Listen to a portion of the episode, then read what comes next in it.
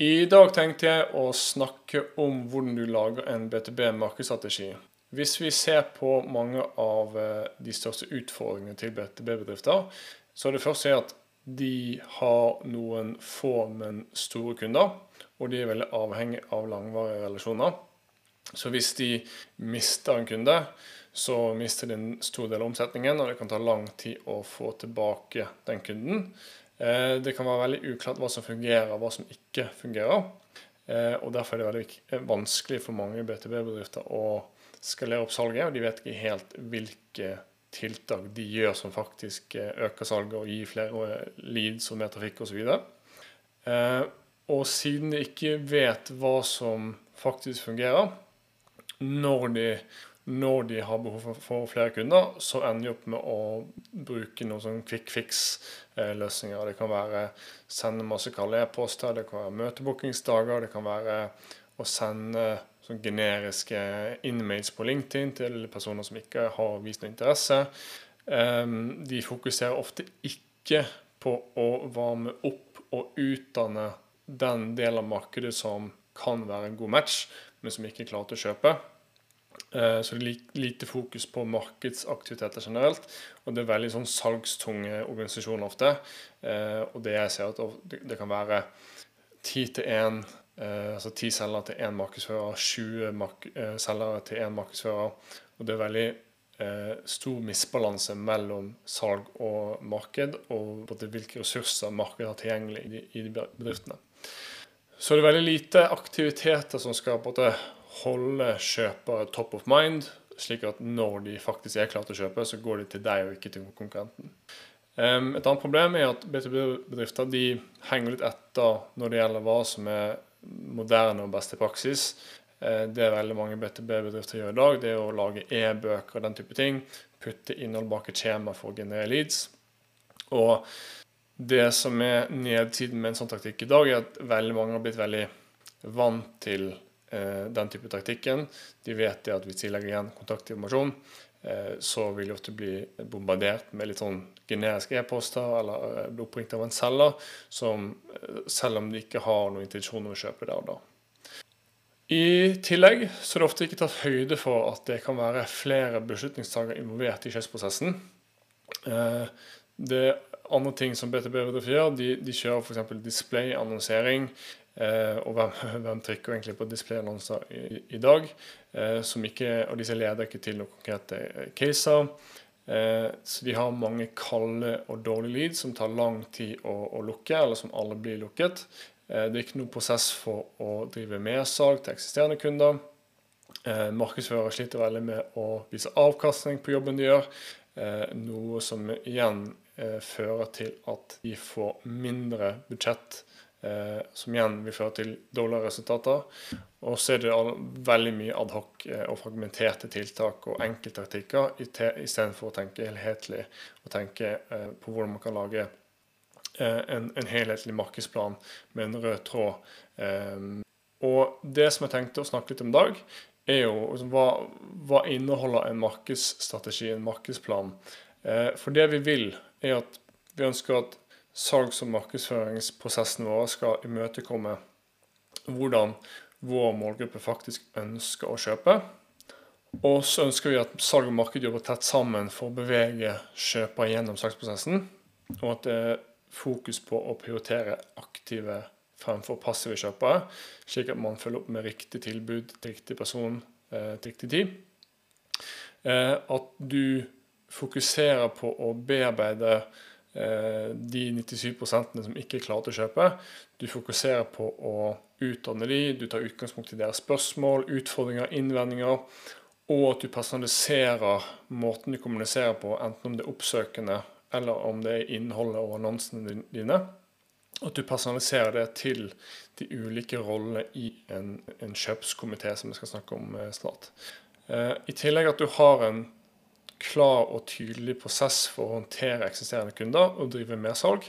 Og at det er veldig tydelig for deg hva som fungerer, hva som ikke fungerer, og hva som kan optimaliseres.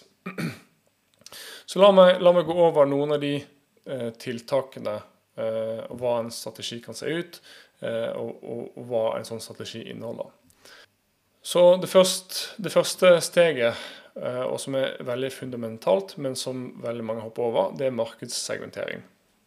Så det du ønsker å finne ut av når du lager markedsplan, er jo hva er de mest lovende markedssegmentene du ønsker å, å, å selge til og markedsføre til og få som kunder.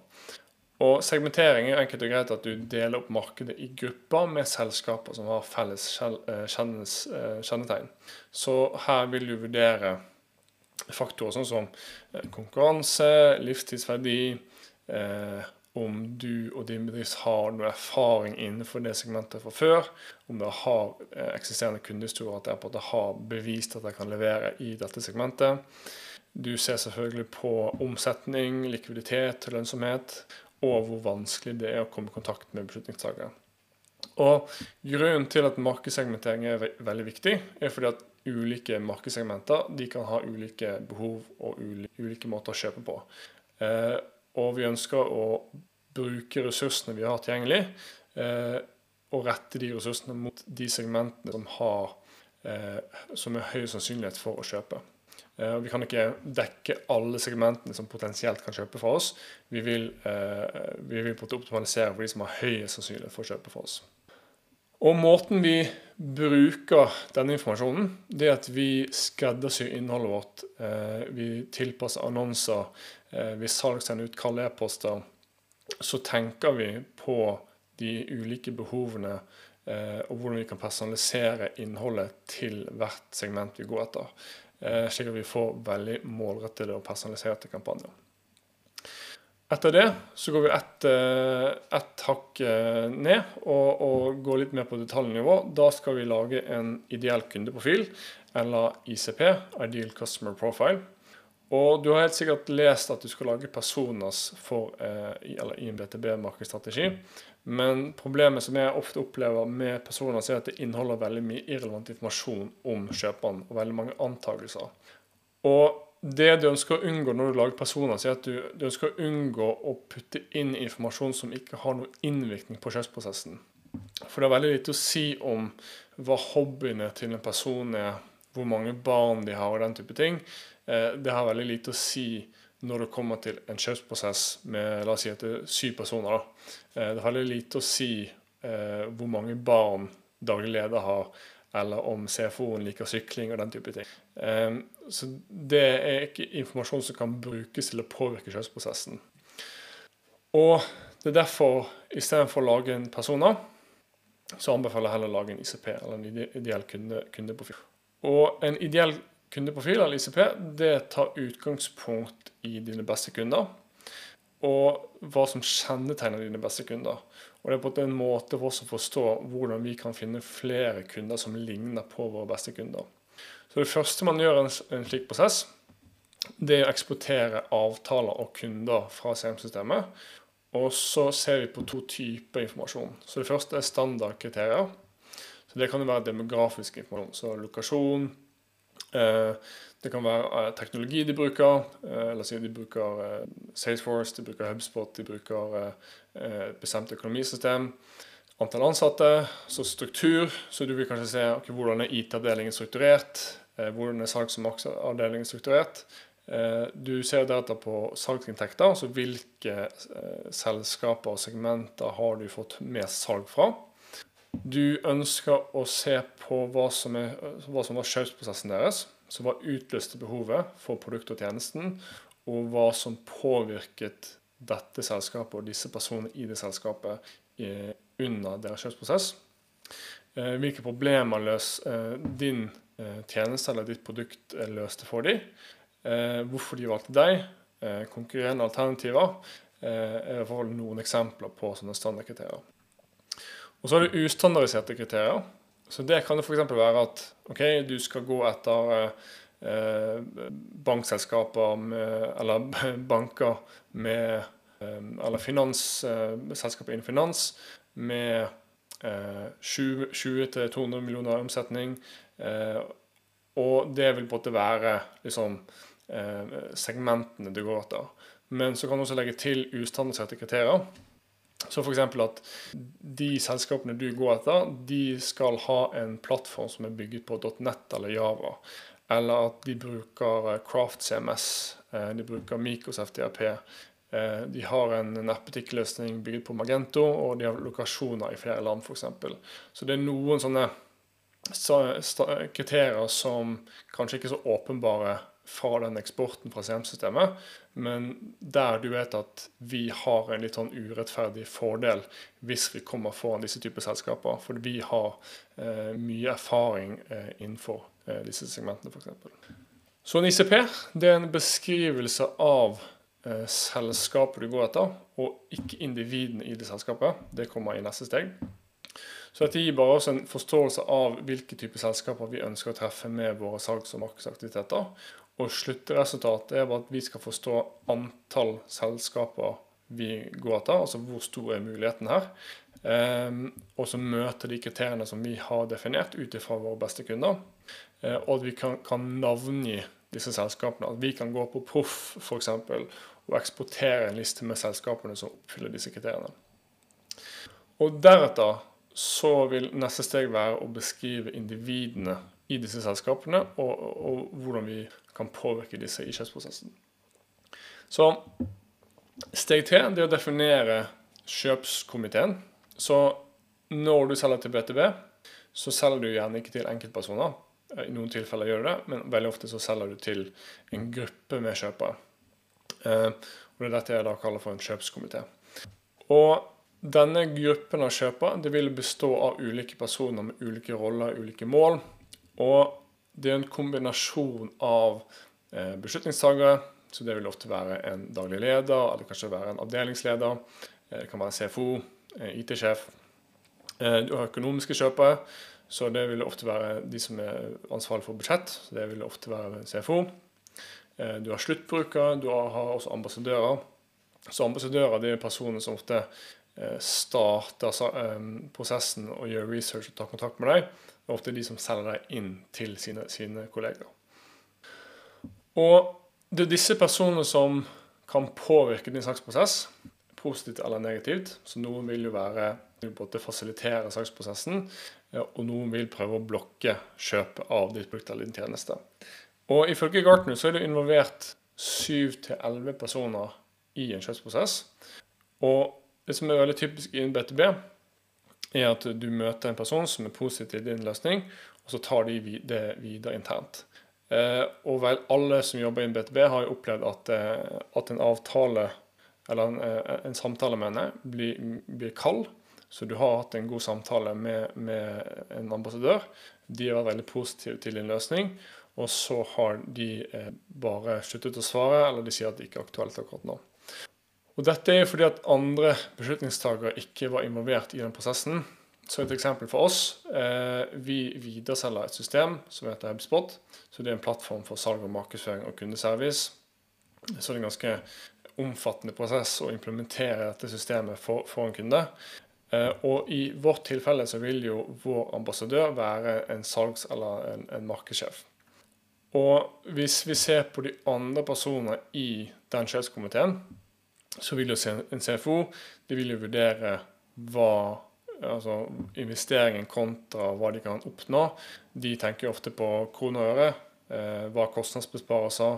Hva er avkastningen? Eh, kan vi betale lisensen eh, over flere altså over, kan, vi betale månedlig, kan vi betale kvartalsvis og den type ting. Så det er den type spørsmål som de, de sitter med. Hvis man har kanskje har noen innen in IT, eller man har en ekstern konsulent, eh, så vil, de kanskje vurdere en plattform som HubSpot eh, med tanke på om det imøtekommer krav, eh, hvis vi tenker på GDPR, Schrems 2-lovgivningen, som sier at brukerdata om europeiske innbyggere det må være laget i EU. Så da må du ha informasjon som håndterer de spørsmålene og de innvendingene. Eh, mens en sluttbruker i la oss si, en markedskoordinator de vil jo være mer opptatt av eh, funksjonene. De vil være mer fokusert på landingssideverktøyet og sosiale medieverktøyet og den type ting. Så hver av disse personene de har jo ulike roller, ulike mål, ulike kriterier som påvirker deres beslutningsprosess. Eh, så vi må forstå hvordan denne gruppen med kjøpere ser ut.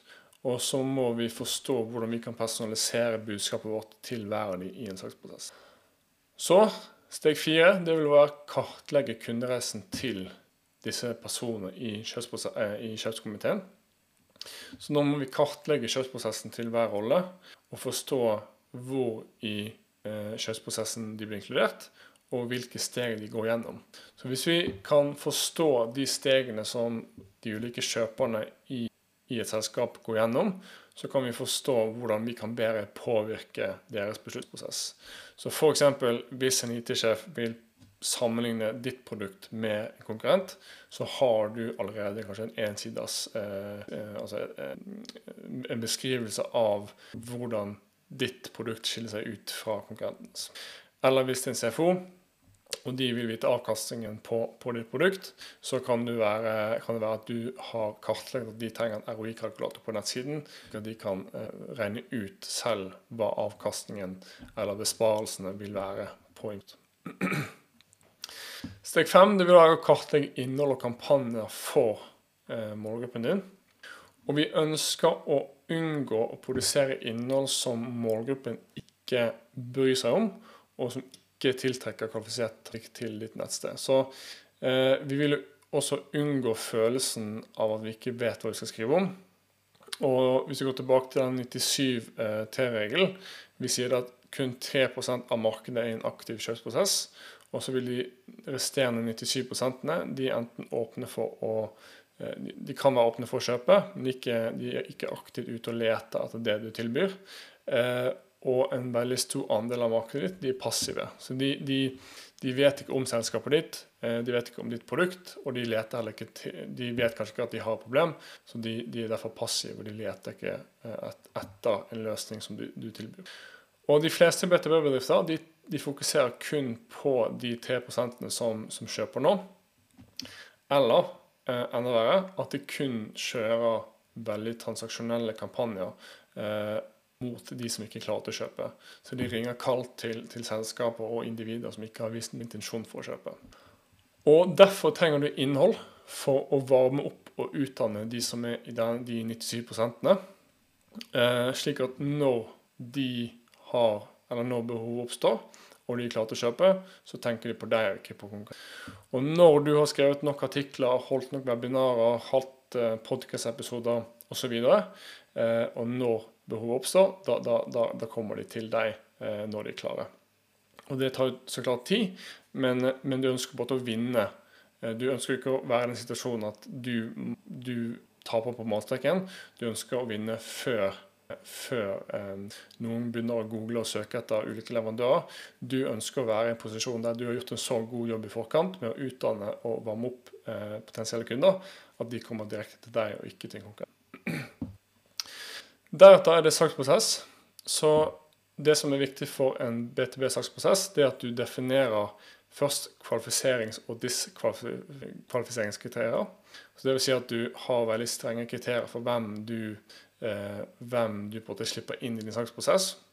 Det som er eh, veldig mange gjør, er at de er litt for eh, Man har ikke strenge nok kriterier når man kvalifiserer et prospekt, og så kaster man bort mye tid på eh, potensielle kunder som alle vil kjøpe. Så Derfor bør man ha noen veldig strenge kriterier med tanke på budsjett, Eh, med tanke på at man har tilgang til beslutningstagere, at de skal kjøpe inn for rimelig kort tid, og den type ting, for at du skal begynne å putte en avtale inn i pipeline og begynne å aktivt følge den opp. Og at du ikke bare kunstig uh, fyller opp din pipeline med, med avtaler, og, og, det ser fint ut med mange Du kan prosjektere store summer, men så er det egentlig bare en liten andel av de som ikke uh, Eller bare en liten andel av de som, som faktisk er interessert i å kjøpe. Så her må du da definere stegene i saksprosessen, og hvordan du beveger kjøper gjennom denne saksprosessen. Og så må vi sørge for at vi har definert hvordan salg og marked skal spille på lag, så at marked har eh, korrekte oppfordringer til handlinger, eller call to actions på engelsk, slik at nettsiden driver flest mulig besøkende til å ta ønsket handling. Det kan være reservere en demo, be om pris, fylle ut kontaktskjema, slik at vi gjør det enkelt for besøkende å eh, ta kontakt med salg. Så må vi også sørge for at markedet har utstyrt salg med relevant innhold. Eh, det kan være maler, altså e-postmaler, den type ting. kundehistorier, slik at hvis, har, hvis kunden har behov for informasjon, så har salg det enkelt tilgjengelig. De har på et bibliotek i CRM-systemet der de kan finne fram informasjon som, som kunden trenger. Og til slutt at markedet har definert noen regler for når man skal overlevere et eh, lead til salg. At du har en prosess for å eh, varsle salg om innkomne henvendelser. Og at man har en prosess for å rute disse til riktig selger internt i selskapet. Så det kan være basert på, eh, på land, segment og den type ting. Slik at man sørger for at, at salg får Eh, kan håndtere innkomne leads kjapt, og at ikke de leadsene bare ligger og, og venter på å få svar fra salg. Eh, vi ønsker at eh, den, den prosessen med å levere leads til, til, fra marked salg, at den går veldig, veldig kjapt. Og til slutt så må man definere kundeserviceprosessen. Og dette er noe veldig få norske BTB-bedrifter fokuserer på. Jeg tror de fleste har hørt den statistikken om at det er Eh, seks-syv ganger så dyrt å skaffe en kunde som å beholde en eksisterende en. Og hvis man har en god kundeserviceprosess på plass, så kan du mye enklere beholde kunder. Så du kan avdekke muligheter for å Du kan håndtere misfornøyde kunder. Du kan, du kan um, finne muligheter for å øke mersalg. Du kan øke livstidsverdien til en kunde. Uh, du kan hente inn referanser fra fornøyde kunder. Eh, du kan få mye innsikt fra en kunde og innhente informasjon om deres kjøpsprosess som du kan ta med deg inn i din markedsstrategi. Eh, og Det første du bør gjøre, er å definere akkurat sånn som i, i salgsprosessen, at du har en kundesalgsprosess med definerte steg. Så du har på din egen pipeline for eksisterende kunder. Eh, og så definerer du stegene du eller kunden må gjennom, uh, slik at du har en strukturert prosess for å følge opp kunder, og, og, og, og alle si, handlingene fra din side som du skal ta når du følger opp uh, kunder. Og La oss si at en uke etter salget, uh, salget er lukket, så kan du sende spørreundersøkelser som spør ok, hvordan var kjøpsprosessen for deg. Hvorfor valgte de din bedrift og ditt produkt? Hvilke alternativer vurderte de? Eh, hva trigget behovet for, for eh, ditt produkt? Eh, hvilke informasjon, informasjonskilder oppsøkte de når de var i, den, var i sin kjøpsprosess? Og Dette er gull verdt for din, for din maksavdeling, for da kan du på en måte mate maksavdelingen med informasjon som de kan bruke for å forbedre prosessen med å tiltrekke nye kunder. Um, og så La oss si at en måned, måned etterpå så blir kundeansvarlig tildelt en oppgave automatisk få en oppfølgingssamtale. Og så etter tre måneder så skal du sende en, eh, igjen automatisk en spørreundersøkelse der du kan be om tilbakemelding på hvordan dere kan for forbedre produktet. Og denne prosessen vil jo gi deg muligheten til å håndtere frustrerte kunder og det gir deg mulighet til å forbedre produktet. Eller det kan samle inn positive tilbakemeldinger fra fornøyde kunder, som igjen kan brukes i markedsføringen, brukes på nettsiden og ha, ha gode omtaler av produktet på, på nettsiden f.eks. Så hvis du har det på plass, du har eh, markedssegmentering, du har en ICP eller ideell kundeprofil, du har definert kjøpskomité, eh, du kan kartlegge kundereisen til hver beslutningstaker og, og påvirker. Eh, du har kartlagt innholdet og kampanjene for målgruppen din. Du har definert salgsprosessen, og så har du definert kundesalgsprosess. Da har du et veldig sånn skalerbart system for å tiltrekke, lukke og beholde dine kunder. Og du vet hva slags innhold du skal lage, hvordan annonser skal målrettes, eh, hvordan salgsprosessen skal se ut, og hvordan du skal håndtere eksisterende kunder og avdekke muligheter for mer salg. Og Da blir det et veldig helhetlig system for din bedrift. Og du, du, du slipper å gjøre disse adhoc-kampanjene eh, og enkelttaktikker. Og du vil få bedre, bedre, resultater på sikt. Så Det er de elementene jeg mener du bør ha på plass i en markedsstrategi. Så før du begynner å sette opp annonser og skrive bloggartikler eh, og, og gjøre de taktiske tingene, så ha denne, disse elementene på plass først. Eh, da vil du rett og slett få bedre resultater på kort sikt. Så det var alt jeg hadde i dag. Takk for at du hørte på eller så på. Hvis du ønsker å bli med meg live, så går jeg live hver onsdag klokken syv eh, til ca. åtte-halv ni.